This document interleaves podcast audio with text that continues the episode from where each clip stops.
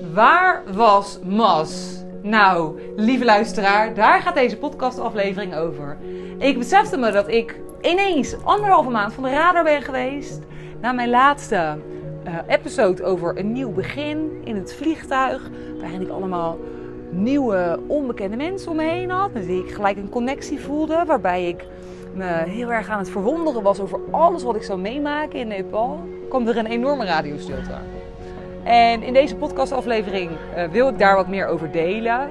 Want ik kwam onder andere terecht in het ziekenhuis uh, met een nierbekkenontsteking.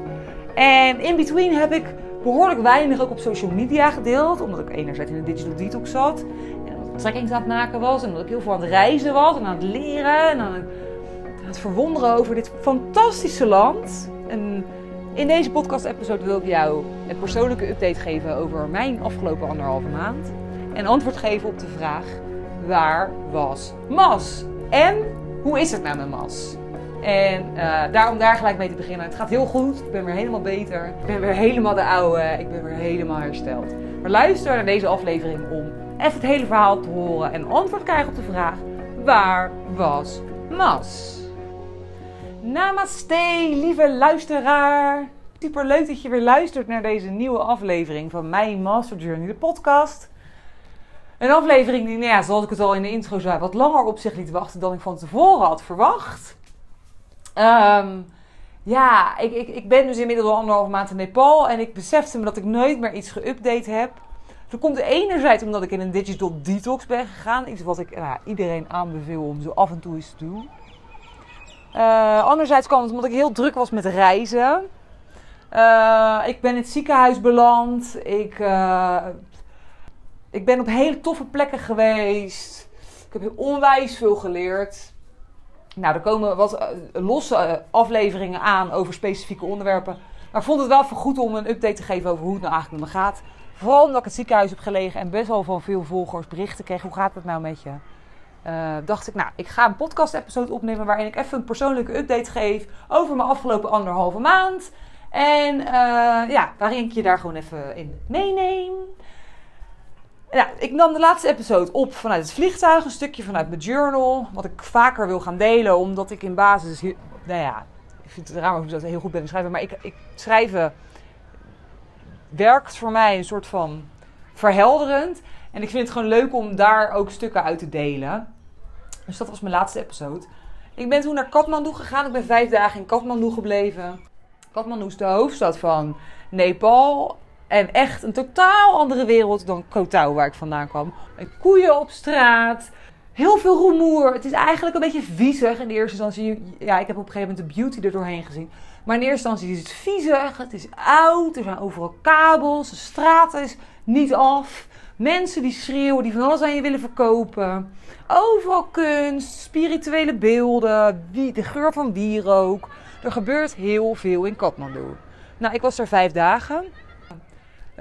Vervolgens ben ik een trekking gaan maken in de Himalaya's. Um, nou, dat was echt fucking vet. Uh, bizar ook hoe dat allemaal, wat zich daar allemaal heeft afgespeeld. Ik heb daar een aparte episode over opgenomen, vol magie en manifestaties en synchroniciteiten en tekenen. Want dat was toch wel heel bijzonder, die Himalaya. Het was niet zomaar even een trekking maken. Ik besloot namelijk tijdens de trekking op dag 3 van koers te veranderen en een totaal andere trekking te gaan maken. Nou, die trekking is voor mij echt life-changing geweest. En nou, daar heb ik een aparte podcast-episode over opgenomen, omdat die vol met magie zit. Want ja, hoe in hemelsnaam, zonder geld en zonder spullen, ga, manifesteer je zo'n trekking? Zonder gids, zonder iets, ik had niks. En ineens heb ik hem toch gemaakt. Nou, daar gaat een aparte podcast-episode over, die deel ik van de week. Ik heb hem toevallig gisteren opgenomen. Um, nou, daar ben ik dus twaalf dagen geweest. Nou, in die trekking was niet alleen mijn route veranderd en manifesteerde ik niet ineens geld en spullen voor een totaal ander plan. Maar kwam ik ook een Tinder-match tegen. Een Tinder-match die ik in Kathmandu had gematcht. En uh, ja, wat wel heel toevallig was, want ik zou nooit deze trekking gaan maken. Plus, ik zat in een digital detox, dus ik was eigenlijk hartstikke onbereikbaar. Nou ja, toch moet het dan zo zijn dat ik dan blijkbaar hem tegenkom in de fucking Himalaya's. Niet even gewoon, uh, weet ik veel wat voor bergen hebben wij in Nederland, Limburg, heuvels. Nee, in de fucking Himalaya's. Nou, heel bijzonder. Ik heb hem daar ontmoet. We zijn na de trekking samen twee weken gaan reizen. Heel interessant. Uh, ook weer qua zelfontwikkeling om te zien hoe zoiets dan weer gaat. Dus dat was heel bijzonder. Dus die trekking gemaakt. Toen ben ik teruggegaan naar Kathmandu. Uh, nou ja, dat was zo super leerzaam. Want wat ik daar onder andere, waar ik me in wil verdiepen, slash verdiep hier in Nepal. Iets wat voor mij mijn interessegebied is, is de spiritualiteit, het boeddhisme en het hindoeïsme, wat hier door elkaar heen loopt. Dus het boeddhisme en het hindoeïsme loopt hier door elkaar heen. Um, en ja, spiritualiteit, dat, dat zit hier in het dagelijks leven. Ja, dat, dat, dat, dat, dat is hier overal. Dus de spiritualiteit zoals ik het ken. Van er is meer tussen hemel en aarde. En yoga, meditatie. Uh, nou ja, toch wel goed karma, reïncarnatie, dat soort dingen. Nou, dat, dat, dat is echt dit, in dit land is dat heel normaal. Dat is aan de orde van de dag. Overal ruik je wierook. En zijn Boeddha-beelden en beelden van Ganesha natuurlijk. En van andere hindoe-goden. Nou ja, mensen met stippen op hun hoofd. Vrouwen met neuspiercings. Dat is allemaal zoals je dat misschien ook voor kan stellen. Dat Oosterse, nou dat is hier mega. Dus ik heb me daar in Kathmandu heel erg in verdiept. De tijd dat ik in Kathmandu was. Ik heb onder andere een, uh, verschillende tours gedaan. Mocht je naar Kathmandu, naar Nepal komen... Ja, en je hebt een hart voor dit soort dingen. Ja, je kan je lol echt op. Ik heb er verschillende tempeltours gedaan. Normaal gesproken doe ik tempels meestal alleen. Nu koos ik ervoor om dat met een gids te doen. Omdat ja, je alle achtergrondinformatie krijgt. En dat raad ik ook echt iedereen aan als je ja, hier een interesse in hebt om een, dat met een gids te doen. Want ja, je krijgt alle achtergrondinformatie. Dus ik heb heel veel tempels bezocht. Zo ook een uh, uh, uh, Pacha, nou ja, Pacha Pachinat. Even ik zal het even in de subtitles goed zetten. En de grootste hindoe-tempel van Nepal. Tempel waar heel veel pelgrims ook op afkomen. En een tempel, het ligt aan de Bagmati rivier. Een tempel waar, net zoals in Varanasi, in India, uh, openbare crematies plaatsvinden. Er wordt gezegd dat de Bagmati rivier uitkomt op de gangen. Nou ja, misschien heb je het al gezien op de tv. Dat ze in India ook die mensen verbranden. Gewoon, en daarna gaat het de holy water in. Dus de Gangesrivier. Nou, dat doen ze hier ook in Nepal. Dat kan je ook bijwonen. Nou, ik ontdekte dus een soort van interesse in de dood. Op de een of andere manier, omdat het hier zo anders is dan bij ons in Nederland. Is de dood natuurlijk iets heel droevigs en zwart. En dan hebben we het er eigenlijk niet echt over. En dan is het iets heel verdrietigs. Niet dat het hier niet verdrietig is, hoor. Mensen huilen ook. Maar het is hier... De dood is onderdeel van het leven. En ik, ik sta heel erg achter die filosofie. En te meer omdat de manier waarop ik mijn leven leid. Ik maak de keuzes ook met het idee van het leven houdt op een dag een keer op. En daarom wil ik en een goed mens zijn en een bijdrage leveren aan de wereld. Op mijn manier. Um, en ja, eruit halen wat ik eruit wil halen. En hier uh, is de dood ook ja, gewoon een onderdeel van het leven. Nou, ik heb dus die tempel bezocht. Daar had ik het over. Ik heb die tempel bezocht. En nou ja, dat was echt heel bijzonder. Want uh, ik heb daar een aparte podcastaflevering trouwens over opgenomen uit mijn journal. Om je even mee te nemen in mijn hoofd. Omdat het natuurlijk ook een beetje contrast is. Dus ja, weet je, nou betaal ik om een, om een verbranding te zien. Wat vind ik daar nou eigenlijk van? Nou, die aflevering publiceer ik ook van de week. Ik heb best wel veel podcastafleveringen opgenomen. Uh, maar ik dacht, deze is even goed om even een soort van hoogover update te geven. Um, dus ja, dat was heel interessant. Verder heb ik dus nog verschillende andere tours gedaan. Zo ben ik bij een Kumari geweest. Dat is een levende godin in het Hindoeïsme. Zij, een meisje wordt gekozen tussen de drie en de vijf jaar. Tot aan menstruatie. Ik zit even in de stoel tegen mijn deur aan. Uh, tot aan de menstruatie kan zij een Kumari zijn, dus een levende godin zijn. Zij mag niet lopen. Zij wordt aanbeden door, door, door mensen hier in Nepal. Uh, in de Kathmandu-vallei is dat. zijn verschillende Kumaris. Je kan zo'n meisje bezoeken en dan zegent ze jou en dan geef je een offer. En, nou ja, interessant ook om te horen hoe daar dan hierover wordt gedacht. En hoe zij dan aanbeden wordt. En het is een kind. Ze mag ook nu naar school. En ze krijgt tegenwoordig wat thuisonderwijs, geloof ik. Nou, het is heel bizar. Wij, kunnen dat, wij hebben dat natuurlijk helemaal niet in het Westen. En zij zou dus een incarnatie zijn van een of andere godin die uh, staat voor virginity. Zij is maagd. En er wordt gezegd, dat, hè, wordt op de menstruatiedag wordt ze dan, nou ja, is ze vrij. Maar er schijnt een vloek op te rusten als je met zo'n meisje trouwt. Dus op latere leeftijd, als zij een man wil zoeken, schijnt dat niet makkelijk te zijn. Want het verhaal gaat, dat de mythe, de, het geloof, dat op ik een geslachtsgemeenschap met haar heb, dat er slangen uit haar zouden komen. En nou ja, dat soort interessante uh, verhalen. Ja, ik ga daar heel goed op. Nou, die zijn volop te vinden hier in Nepal. Je kan je hart ophalen als je enige interesse hebt in spiritualiteit of religie. Of, ik zal mezelf niet religieus noemen in geen enkel geloof. Maar ik, heb wel, ik, vind het wel heel interessant om te weten en de, de levenskunst van het boeddhisme. Boeddhisme zie ik meer als een filosofie. Van, ja, hè, Boeddha's doel was, Boeddha's droom en wens was, dat mensen stopten met suffering, met lijden. En ja, in welke mate onze eigen gedachten daar ook invloed op hebben. En hoe we dat zelf kunnen veranderen. En onthechting. En ook weer de, de cirkel van wedergeboortes. Nou ja, heel interessant. Dat was Kathmandu. En nou ja, zoals ik al vertelde, had ik eh, op de heuvel daar in de Himalaya's mijn Tinder-match ontmoet. Uh, en wij spraken af toen ik in Kathmandu was om samen te reizen naar Bandipur. Bandipur is een uh, klein bergdorpje, heel authentiek Newari-stijl. Super mooie architectuur. Mensen hebben ook echt een Newari kleding. Er is eigenlijk geen bal te doen, maar als je wil relaxen, is dat heel relaxed. Het is in de bergen, het is heel mooi. En daar zijn we drie nachten geweest. Uh, nou, daar begon mijn blaasontsteking. Want ik, zoals ik al aan het begin vertelde, ik ben in het ziekenhuis terechtgekomen uiteindelijk met een nierbekontsteking. Die blaasontsteking begon eigenlijk in um, een beetje. Nou ja, uh, de vrouwen die hier naar luisteren herkennen het misschien. Ik ben heel gevoelig voor als ik seks heb met een man. Ook al doe ik het veilig. Ja, ik heb vaak die kutblaasontstekingen. Nou had ik er ook al eerder het jaar één. En nou ja, misschien is dat niet helemaal goed weggaan. Ik weet het niet. Maar ik kreeg in Bandipur een blaasontsteking. Begon. Nou, de dag dat we weggingen. Vervolgens zijn we doorgereisd naar Chitwan.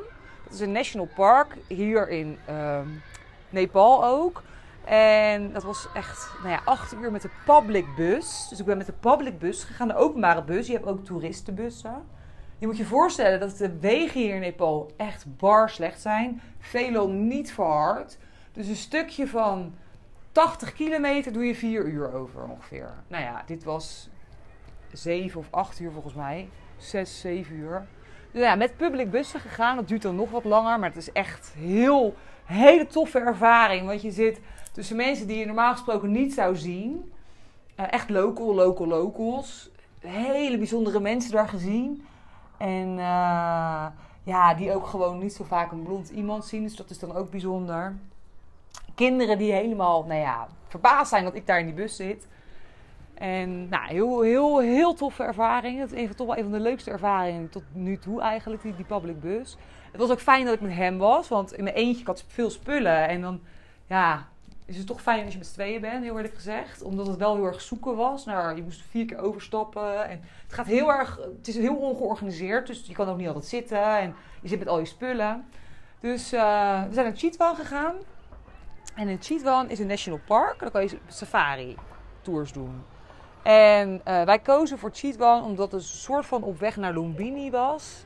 Waar we later heen wilden gaan. En we hadden een heel leuk treehouse gezien. En nou ja, dat zijn leuke dingen om samen te doen. In je eentje is het ook leuk, maar ik vind het leuker om samen te doen. Dit soort vakantieachtige dingetjes. Dus we zijn daar. Uh, nou ja, we hebben alle safaris gedaan die je kon uh, doen. Dus wandelsafari, kano-safari, jeep-safari. Nou ja, uiteindelijk kwam ik erachter dat dat zoveel echt een overkill is. En dat ik het prima had gevonden om er eentje te doen. Ik heb ook al safaris gedaan in Zuid-Afrika. En dan ben je toch misschien een beetje voorziet, wil ik niet per se zeggen. Maar dan heb je al dingen gezien. Hier was de hoofdcatch, de tijger. Die hebben we helaas niet gezien, maar wel heel veel rhino's en uh, olifanten. En nou ja, allerlei andere dieren. Wat pauwen en varkens, biggen. Hm. Was heel leuk. Dan zijn we drie nachten geweest. En nou ja, ook heel leerzaam om dan zo'n reis te maken met een totaal onbekende. Want ik, nogmaals, ik kon deze man alleen maar van de ontmoeting op de Himalaya. En dan twee weken met een heel onbekend iemand doorbrengen en het bed delen is ook wel weer een uitdaging. Ook super leuk. Maar nou ja, ik, ga een podcast opnemen van de week over de, de, dating als dating, zeker de liefde. Als tool voor zelfontwikkeling. Want dat vind ik het echt. Het laat alles in, jezelf ook zien. Je schaduw, je licht, je angsten. Je, alles wordt daarboven gebracht. En ik vind het een hele mooie manier om mezelf ook te ontwikkelen. Dus dat was, deze, dat was met hem. Dus Cheatwan, toen waren we op de laatste avond, dus ook leuk om te vertellen, waren we in ons treehouse en daar was elke keer werd er gedrumd. Om het kwartier of zo, 20 minuten. En dat ging heel de avond door. Dus wij vroegen op een gegeven moment aan de host daar: van joh, wat, wat hoor ik nou? En het was ook, dit, dit was, dit creëerde voor mij nog meer interesse in het onderwerp de dood. Eh, het einde, nieuw begin. En hij vertelde over uh, een, man die was overleden. Uh, en de rituelen die ze daar dan rondom uitvoeren. En nu was het in fase 1 was dan klaar. Het is even uit mijn hoofd. Mensen die hier verstand van hebben, misschien zeg ik het verkeerd. Maar als fase 1 over is, dit was dan volgens mij na 10 dagen die fase 1. Maar nogmaals, pin me er niet aan vast als het 8 dagen was. Wordt de ziel wordt uit het lichaam gedrumd, zeg maar. En dat, dat, dat, is, eh, dat gaat 24 uur per dag door. Dus 24 uur per dag worden er mantra's gezongen. Overdag en s avonds. En wordt er gedrumd. Je hebt die drums. Met als doel dus die ziel eruit krijgen, die spirit. Zodat het vrij is en door kan gaan naar de bron of naar het volgende leven of naar een fase in between. En uh, goed, hij vertelde er allerlei verhalen ook over hoe dat dan wordt gedaan binnen de, de cultuur. Volgens mij is het grotendeels afhankelijk afkomstig vanuit Tibetaans boeddhisme. Maar ik weet het niet helemaal zeker. Het kan ook zijn dat het een Nepal, Nepalees iets is. Want hier in Nepal lopen uh, boeddhisme en hindoeïsme super erg door elkaar heen. Uh, dus het, soms is het niet helemaal duidelijk waar het vandaan komt. Hij kon het ook niet precies vertellen. Uh, we werden wel uitgenodigd om daar ook heen te gaan. Hij zegt, nee, zal je echt de energie voelen. Het is heel bizar en heel, heel donker. Wat je voelt aan energie, maar dat, dat, dat, dat wordt dan bewust zo gedaan. Ja, en dat fascineerde mij nog meer in dat hele stuk van de dood. Want ja, waarom doen wij in Nederland iemand onder de grond en dat wordt dan een uurtje en dan krijg je koffie en cake. En hier wordt er zoveel aandacht aan besteed. Er zijn een hele fase van 48, even uit mijn hoofd, dagen of 54 dagen, dat er besteed wordt aan het feit dat iemand overleden is. En dan ga je dus door verschillende fases heen. Het begint al als iemand stervende is, vaak. Er zijn er monks bij betrokken, dus, dus monniken. Het wordt helemaal begeleid. En daar wordt dan heel erg bij stilgestaan. En er horen zoveel rituelen bij. Hij vertelde ook een verhaal over dat iemand verbrand is, hè, want dat gaat dan vrij rap. Het is verbrand, er worden stukjes bot bewaard en er wordt dan een pop van gemaakt. En die wordt dan ook neergezet en dat heeft dan ook een bepaalde functie. Klinkt voor mij behoorlijk luguber. Maar ja, er zit wel een hele filosofie achter. Nou, ik vind dat dus mega interessant. Dus nou ja, dit is geen podcast-episode over de dood. Want gelukkig het ging met name over het ziekenhuis en een update van mij. Maar ik merk dat ik het interessant vind om dat dus te horen, hoe, dat, hoe men hier daarover denkt. En wat voor ons normaal is, denken we vaak dat dat het dan is. Maar aan de andere kant van de wereld denken ze daar dus totaal anders over. En ik ga goed op rituelen, ik ga goed op ceremonies, ik ga goed op, op, op verhalen en mythes. Nou ja, daar kan je hier je lol over op. Het toeval wilde dat ik net begonnen was aan het Tibetaanse boek uh, van Leven en Dood.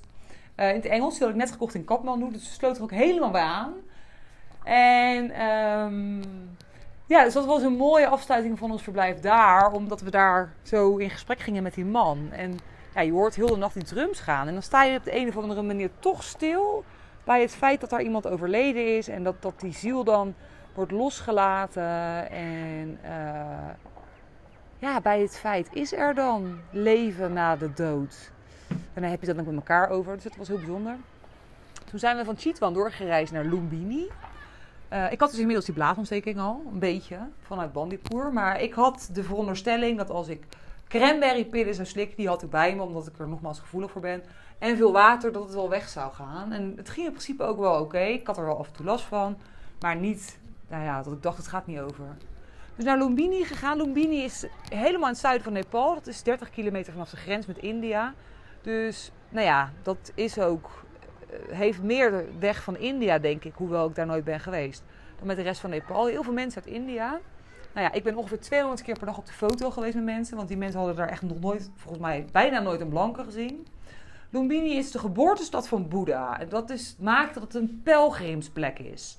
Dus mensen, boeddhisten van over heel de wereld, komen naar Lumbini toe om de Bodhi Tree, de boom die vaak ziet bij Boeddha, te bezoeken. Om de plek te bezoeken waar die geboren is. En daaromheen staan dan allerlei andere tempels. Dus allerlei landen hebben daar ook tempels neergezet. Ook een Duitse boeddhistische tempel, een Japanse tempel, een tempel uit Korea. Nou, allerlei verschillende tempels. En die kan je ook bezoeken. En wij wilden daarheen omdat we allebei een interesse hebben in die geboorteplaats van Boeddha. En hoe zit dat dan? En ik had al veel daarover gelezen. Dus het verhaal ook hoe die geboren is. Nou ja, ik ga er niet, ik kan een uur praten anders in deze podcast. Maar ik vind het allemaal heel fascinerend om dat te weten.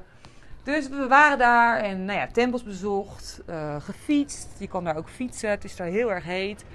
Ehm, nou ja, en het was ook hilarisch, want nou ja, nogmaals, iedereen wilde met mij op de foto. Maar dat vroegen ze dus aan die gast met wie ik was. Even om een kleine anekdote. Dus ik liep daar dan. En dan liepen ze naar hem toe om te vragen voor een foto. En hij dacht in het begin dat het dan om hem ging. Zij voelde zich dan gevleid en trok mij daar wel bij. Maar hij dacht dat het om hem ging. Maar het ging natuurlijk helemaal niet om hem. Het ging om mij. Want hij heeft donker haar. Hij komt uit Peru. Dus hij is helemaal niet... Ja, ziet er gewoon ook donker uit. En uh, dus het was zo grappig. Maar ja, goed, na 200 keer word je er op een gegeven moment ook wel een beetje gek van een gegeven moment hebben we de deal gemaakt van we doen alleen nog maar vrouwen en kinderen. Zoveel mogelijk, geen groepen gasten meer. Maar ja, ook gewoon als ik alleen stond, dan maakten ze foto's of selfies met mij op de achtergrond, weet je wel. Heel apart. Uh, we zouden drie nachten blijven, maar ontdekten op, op de derde dag dat, het, dat we, als we twee nachten langer zouden blijven, dat we Boeddha, Boeddha, Purina, Purina mee konden pikken. Sorry, ik moet even nadenken hoe het uitspreekt. Dat is de geboortedag van Boeddha. Nou ja, dat was fucking toevallig, want we waren in de geboortestad van Boeddha. Hoe fucking tof dat je dan op die dag, geboortedag, in de, op de plek bent waar Boeddha geboren is. Nou, blijkt die dag niet alleen de dag van zijn geboorte te zijn, maar ook de dag van enlightenment. En de dag van zijn dood. Dat wordt allemaal gecombineerd op één dag. Ja, waarom ook niet? En dat is dan de eerste volle maan in het nieuwe lunar cyclus. Dus in de nieuwe maancyclus. Dus in het nieuwe zodiac. Het begint natuurlijk met Ram. Daar de eerste volle maan van, als ik het goed zeg. En dat viel dit jaar op 5 mei, op onze bevrijdingsdag. Dus wij besloten twee nachten langer te blijven om daar dan te zijn op die dag.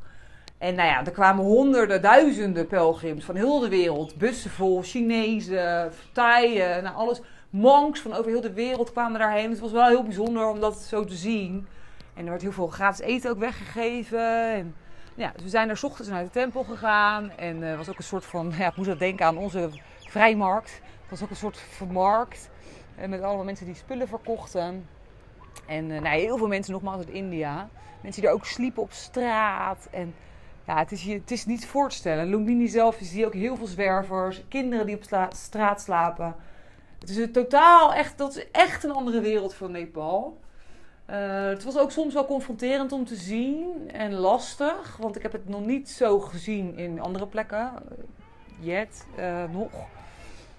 Maar goed, dus Boeddha Purina gezien. Nou, s'avonds prachtige tempel, helemaal verlicht. Allerlei ceremonies. Er zaten onder die Bodhi trees, dus allerlei mensen ook de teachings van Boeddha door te geven. Goed, daar werd ik dus, eh, daar zijn we geweest. En op de dag, ik voelde de laatste twee dagen dat ik me niet zo goed voelde. Als in dat ik voelde dat die buikpijn gewoon erg was van die blaasontsteking. En uh, nou ja, ik was in Lumbini. Ik had wel op een gegeven moment medicijnen gehaald bij de uh, antibiotica bij de apotheek. Maar ja, bij de apotheek, ja jeetje. Ik, uh, ja, ik kreeg vier soorten pillen. Denk, dat heb ik nog nooit gehad in Nederland. Ik probeer het nog even weg te drinken. Straks ben ik in Pokkera en dan heb ik het in ieder geval. Uh, ja, betere voorzieningen. Ja. Uiteindelijk ben ik met de bus naar uh, Pokkera gegaan. Dat duurde tien uur. En de volgende ochtend werd ik wakker. En nou ja, alsof het zo moest zijn. Ik was dood en doodziek. Ik was zo ziek dat ik bijna niet eens naar de wc kon lopen. Zo moe, zo moe. Ik, ik kon niet eens naar beneden lopen. En ik had op een gegeven moment hartstikke dorst. Ik zit op de hoogste verdieping. En uh, zo'n pijn in mijn onderbuik. Echt bizar. Ik dacht, ik moet echt vandaag naar de dokter, want ik kan dit niet nog langer doen. Toen ben ik naar beneden gelopen om water te pakken. En terwijl ik beneden aankom, viel ik dus flauw. Ik voelde op de trap al van, ik voel me helemaal niet goed. Naar beneden flauw gevallen. Toen is het heel snel gegaan. kwam er een dokter en uh, ja, die ging me meten. En die klopte op mijn rug. Nou, ik ging kapot van de pijn. Uh, mijn buik was niet normaal pijnlijk. Ja, toen bleek dat ik nierbekontsteking had en 41,5 graden koorts. dus ik moest gelijk naar het ziekenhuis toe. Nou, daar heb ik vervolgens vijf dagen gelegen. In het kader van niet gepland, wel gebeurd. Niet te veel plannen in het leven. Nou, dan beland je dus in een ziekenhuis in fucking Nepal. In je eentje. Een dag nadat je... Ja, ik was twee weken met die beste man op pad geweest. Dus het was ook wel even wennen dat ik alleen was. Uh, nou was ik de eerste dagen echt goed ziek. Uh, als in zo hoog koorts dat ik me echt gewoon niet goed voelde. Na twee dagen begonnen die medicijnen te werken. Dus dag drie, vier voelde ik me wat beter. Ja, dan merkte ik ook ineens hoe fucking kut dat bed lag bijvoorbeeld. Het was echt een matrasje van drie centimeter. En die dagen daarvoor was ik zo moe. Ja, dan slaap je wel. Maar na dag drie en vier, man. Ik kreeg zo'n pijn aan mijn rug. En het was voor Nepalese begrip een heel goed ziekenhuis. Het is alleen maar voor toeristen. Maar ja, ik was de enige die daar was het hele ziekenhuis. En daar word ik op een gegeven moment ook helemaal gek van. En nou ja, het is voor het Nepalese begrip goed, maar voor ons westerse begrippen, ja, je kan je niet voorstellen. Gewoon artsen die je prikken met een jas aan, met hun gewone handen, zonder handschoenen, de muren hartstikke vies. Um, beddengoed niet echt schoon, want ze hebben hier vaak geen wasmachine, gaat allemaal op de hand. Ja, toch wel. En vooral als je fitter wordt, dan ga je al die dingen zien. In het begin was ik al lang blij dat ik er was en dat, ik in, dat ze Engels spraken. Dat ik dus niet in Lumbini meer was, maar ik gewoon in Pokhara was. En dat ik zo goed geholpen was door mijn huiseigenaar. Maar daarna, dag drie, vier, begonnen mijn hersenen gewoon weer te werken. Nou ja, dat was ook weer een, een hele... Uh, ook weer een hoop inzicht, een hoop van geleerd. Want ja, wat gebeurt er dan op zo'n moment? Kijk, ik, ik was natuurlijk twee weken met die man geweest. Daarvoor was ik een trekking gaan maken.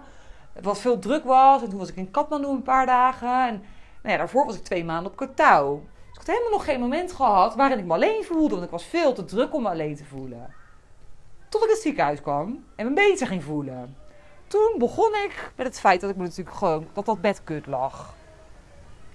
Maar mijn hersenen gingen werken. Misschien herken je het, misschien niet. En het is wel voor mij weer. Ja, ik heb het vaker gehad in mijn leven, maar dat moet je dan weer even ervaren. En er ontstond een soort van stroom aan negatieve gedachten in mijn hoofd. Waardoor ik op een gegeven moment niet alleen maar ziek was, maar ook een soort van depressief. En die gedachten begonnen met het, de uitspraak van de arts: van joh, je mag morgen of overmorgen naar huis. In die zin naar huis. En ik had mijn moeder op de app gehad maakte dat ik me ineens ging afvragen: ja, maar wat is eigenlijk mijn huis? Ik heb hier helemaal geen plek. Ik weet helemaal niet. Ik ken hier helemaal niemand. Ik heb helemaal geen vrienden. Ik zit aan de fucking andere kant van de wereld. Het is hier vies. Um, waar ga ik straks naartoe? En wat als ik me dus niet goed voel? Wie kan ik dan bellen? Of, of wie kan me dan helpen? Of, nou ja, zo ontstond een verhaal. Misschien herken je dat wel. Gedachten creëren emoties en gevoelens. Dus Waar ik me in eerste instantie vooral irriteerde aan het feit dat ik last van mijn rug had, omdat het bed kut lag. Maar verder blij was dat ik me eindelijk beter voelde. Ontstond vervolgens een totaal andere sfeer in mijn hoofd. Een andere emotie, een ander gevoel. En dat was het gevoel van um, missen, heimwee, zelfmedelijden, depressief, uh, negatief. Ik zag helemaal. Ik kon niks positiefs meer bedenken. En dat was echt gebeurd in een mum van tijd. En dit is hoe gedachten onze eigen realiteit creëren. En onze eigen uh, perceptie. Dus het ging van gedachten van de man waar ik mee op date was. Wat date was natuurlijk een hele lange date van twee weken. Waar ik mee op reis was geweest. Van daar dat helemaal analyseren. En vervolgens in de zelfmedelijden gaan zitten. En de gedachten als. Wat als ik nog in Nederland had gewoond? Dan had ik nu mijn moeder gehad. En had ze soep voor me kunnen maken. En dan keek ik op mijn Instagram. En dan zag ik allemaal foto's van mij en mijn vriendinnen van vroeger. En dan dacht ik, ja, waarom ben ik nou eigenlijk weggegaan? Ik heb hun helemaal niet meer. En ik heb hun wel, alleen op afstand. Ehm, maar ze zijn er gewoon allemaal nog in de energie. Weet je Maar op dat moment maakt dat niet uit. Want je, je, gedachten, je, je, ego, komt met allerlei negatieve dingen. God, heb ik wel de goede keuze gemaakt? En ja, dit is de andere kant van de medaille. En ga ik hier dan nog wel mensen ontvinden? En ja, straks vind ik Pokhara niet leuk. En ik had het zo fijn op Kotaal en op Ibiza. En ook, ook in Nederland eigenlijk. Ik heb helemaal niet zo gerealiseerd hoe rijk ik was. Nou, een hele loop van gedachten. En dat duurde nu twee of drie uur, denk ik. En uh, angst dat het allemaal niks zou worden hier. En dat ik me zo rot zou voelen. En nou ja, zo, zo, zo, zo ging dat een paar uur door. Totdat ik een berichtje van een vriendin van mij kreeg. Een heel leuk berichtje. Um, dat mij zo veranderde van frequentie. Het was een heel positief berichtje. En ik was zo fucking blij voor haar. En een paar woorden, misschien is dat, herken je dat wel, het gebeurt soms. Iemand die een paar woorden zegt. En dat herinnerde mij ineens zo aan. Want ik was zo'n Boeddha-beeld in die kamer. En Boeddha heeft natuurlijk ook heel veel gezegd over het creëren van je eigen realiteit met je eigen gedachten. Het stoppen met lijden. En ik denk, wat ben ik nou eigenlijk aan het doen, joh? Dit is het, weet je wel. Ik stop hiermee. Ik stop met het luisteren naar deze fucking gedachten in mijn hoofd. De gedachten die heimwee creëren en zelfmedelijden en al dat soort negativiteit wat me helemaal niks brengt. Ik ben ziek, maar ik ben eigenlijk hartstikke blij dat ik me beter voel. En ik ga straks pokkera in en dan heb ik gewoon weer een heel blanke bladzijde. En kan ik iedereen ontmoeten. En misschien ontmoet ik wel de liefde van mijn leven. En ik ga hier spiritueel nog verder groeien. En op persoonlijk vlak. En ik ga nog toffe hikes maken. En ik had alles voor mezelf opgeschreven aan positieve gedachten. Nou, ik werd er helemaal enthousiast van. En ik voelde heel mijn energie, mijn frequentie binnen mum van tijd veranderen. En dit is hoe het werkt met gedachten. Wij creëren met onze gedachten onze eigen realiteit. En Weet je, dit zijn dingen die we vaak wel weten. Maar op het moment dat je in zo'n gedachtenloop zit en je daar dus volledig mee identificeert, dan voelt het alsof je je gedachten bent. Maar dat ben je niet. Ja, dat, je identificeert je daar. Maar het zijn gewoon gedachten die voorbij komen. En je hebt dus de keuze om de shift te maken naar andere gedachten. Nou, dat hielp bij mij dus mega. En um, nou ja, ik had zin om naar Pokhara weg te gaan en om of Pokhara in te gaan. En nou ja, een dag of twee dagen later werd ik vrijgelaten. Nou, zo voelde het echt. En alsof het zo moest zijn, was het een kraakblauwe lucht. Super helder die ochtend. En dat gebeurt vaak niet, want het is ja, toch vaak bewolkt, omdat we tegen het begin van de monsoon aan zitten. Het was super blauwe lucht, heel de dag. Super helder. Het water was super helder. Alles was helder. Het was, ik heb het nog nooit zo mooi gezien als die ochtend hier. Nou, het leek alsof het mijn verjaardag en kerst op één dag was. Ik voelde me alsof ik daar maanden had gezeten. Het was maar vijf dagen. Het was echt zo mooi. Ik heb besloten terug te gaan naar de plek waar ik was voordat ik ziek werd. Waar die mensen me zo goed geholpen hadden. Ik heb dit nu gehuurd voor een maand. En uh, toen kwam de volgende uitdaging natuurlijk wel. Van ja, nu ben ik beter en nu dan? Waar ontmoet ik weer mensen? Want toch altijd even zoeken op een nieuwe plek. Ik heb daar een aparte podcast-episode over opgenomen. Hoe ik dan. Hoe ik dus op een nieuwe plek aard. En hoe ik intenties zet. En hoe me dat verder brengt. En hoe ik dan mensen ontmoet. En hoe ik toch zorg dat ik in, in een rumoerige omgeving. Want dat is, dat is wel wat reizen met zich meebrengt. Toch trouw blijf aan datgene wat ik echt wil. Dat me niet mee laat slepen in, in de, de hectiek van het reizen en van een nieuwe plek. Ehm, daar heb ik een aparte podcast-aflevering over. En inmiddels ben ik dus een week thuis. Klinkt gek, maar thuis. Een soort van thuis. En ja, ben ik weer helemaal happy. En heb ik een fantastisch leuk gesprek gehad over mijn podcast ook. Met een dame die me een beetje... Ik wil een next level step maken in mijn podcast. En ik vind het toch fijn om met iemand te sparren. Dus daar heb ik een heel leuk gesprek mee gehad. En ja, ik heb in die Himalaya's zoveel inspiratie gekregen. Zoveel geschreven. Zoveel inzicht gehad die ik wil delen. En ja, het is een ongoing iets, want ik maak elke dag wel iets mee. Dus ik moet even een weg vinden om, om daarover te delen. Ehm, dus ja, dat zijn een beetje de dingen waar ik mee bezig ben. Ik heb besloten om tot 7-7 is mijn visum in Nepal. Een mooie datum, 7-7. Ik was in Koh tot 4-4, dus ik vind dat ook wel toevallig hoe die dubbele cijfers zich dan ja, ineens weer hiermee te maken hebben. Ik hou van dubbele cijfers. Voor mij ja, heeft dat een soort van op het goede pad eh, idee. Net waar je in gelooft. Ik geloof daar zelf in. Dus tot 7-7 heb ik een visum hier. Ik, ik ben voornemens om hier dus tot 7-7 in Pokhara te blijven. Pokhara is, uh, ligt redelijk wat hoger in de bergen. Dus het is eigenlijk het startpunt voor veel hikes hier in de Himalaya's. Het is een mooi meer. Het is super toeristisch. Ehm, wat, wat fijn is, want het zorgt ervoor dat je goede cappuccino hebt. Uh, veel gelijkgestemde mensen ontmoet, makkelijk. Veel solo-reizigers. Ehm, en er is ook heel veel gewoon lokaal hoor, want er zijn tempels. En het is, is de tweede grootste stad van Kathmandu. Dus het heeft alles, maar het heeft ook gewoon wat westerse voorzieningen. Dus ik heb besloten hier voorlopig te blijven. Misschien verhuis ik nog wel een keer, omdat ik nu zo centraal zit, wat fijn is. Maar ik wil ook nog wel wat dagen in de bergen zitten. En misschien dat ik nog een toffe hike ga maken. Ik wil hier verder gaan met mijn Reiki-cursus. Nou ja, ik heb een, nieuwe, een andere episode over een nieuw begin, waar ik meer deel daarover. Ehm, maar dat is even mijn plan. Ik ben weer helemaal hersteld. Ik heb nergens meer last van, gelukkig. Ja, tot 7-7 hier en dan, I don't know, stil. Ik probeer nog steeds niet te veel te plannen. Ik, ik, heb gespeeld met het idee om, om daar wat dingen ook businesswijs te gaan doen.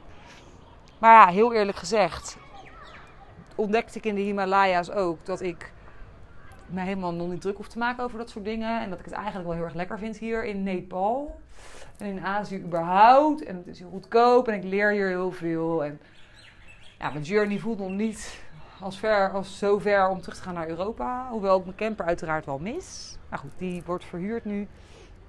En uh, ja, dan misschien speel ik met het idee om naar India te gaan. Dat heb ik het nooit verwacht. Maar iedereen die hier zit, komt in principe van India af. Omdat in India nu monsoon is. Heel heet. Um, dus ja, iedereen adviseert mij om naar India te gaan. Dus dat is de optie dat ik naar India ga. Misschien naar Rishikesh, dat is een yoga walhalla. Naar Dharamshala, dat is van uh, de Dalai Lama onder andere. Uh, Goa, nou ja, de place to be als je naar, als toerist naar India gaat. Stranden, feestjes, hippies. nou ja, de vibe die je hier ook ziet in Pokhara. Dus ja, dat, dat is een beetje de ideeën die spelen. En dat was even een korte update over ja, waar was Mas nou? Waar was Mas? Nou, Mas was dus hier dit aan het doen. Uh, ja, en ik ben nog steeds heel druk bezig met mijn podcast. Dus er komen nog heel veel andere afleveringen aan. Maar ik vond het wel leuk om even een persoonlijke update te geven. Omdat ik het achteraf al stom vond dat ik niet verteld heb dat ik even een tijd in een digital detox zou gaan. Ik had het wel gedeeld op Instagram en niet via Spotify of via dit kanaal. En uh, ja, een digital detox werkt voor mij nogmaals magisch. Ik ga ook daarover podcasten, want ik ben iemand die dat vrij vaak doet.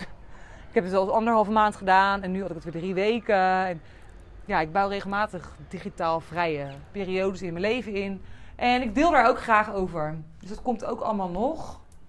Ik hoop dat ik je niet te veel teleurgesteld heb met het feit dat ik er niet was. En uh, ik hoop dat ik je met deze podcast op enige manier heb kunnen inspireren. Misschien door mijn verhaal over het ziekenhuis. Misschien dat ik je een inkijkje heb kunnen geven in mijn reis en dat dat jou inspireert ja, ik hoop dat deze aflevering jou mag brengen wat het je mag brengen. En dat je er plezier aan hebt beleefd. En uh, ja, ik hoop dat je naar de volgende aflevering weer luistert. Later, of beter gezegd, namaste. Yes, dit was hem dan weer voor vandaag. Super leuk dat je luisterde. Wist jij dat je je kan abonneren op deze podcast via de Spotify of Apple Podcast app? Wanneer je dat doet, krijg je automatisch een melding wanneer ik een nieuwe aflevering publiceer. En zie je alle afleveringen overzichtelijk onder elkaar weergegeven. Super handig. Verder kun je in deze app een review achterlaten met bijvoorbeeld 5 sterren. Dit helpt mij om meer mensen te bereiken met mijn podcast. Mocht jij nog mensen in je omgeving kennen voor wie deze podcast van waarde kan zijn, stuur deze dan gerust aan hen door of verwijs naar mijn Instagram pagina mij.master.journey. Dankjewel voor het luisteren en ik hoor jou heel graag weer bij de volgende aflevering van My Master Journey de podcast. Later!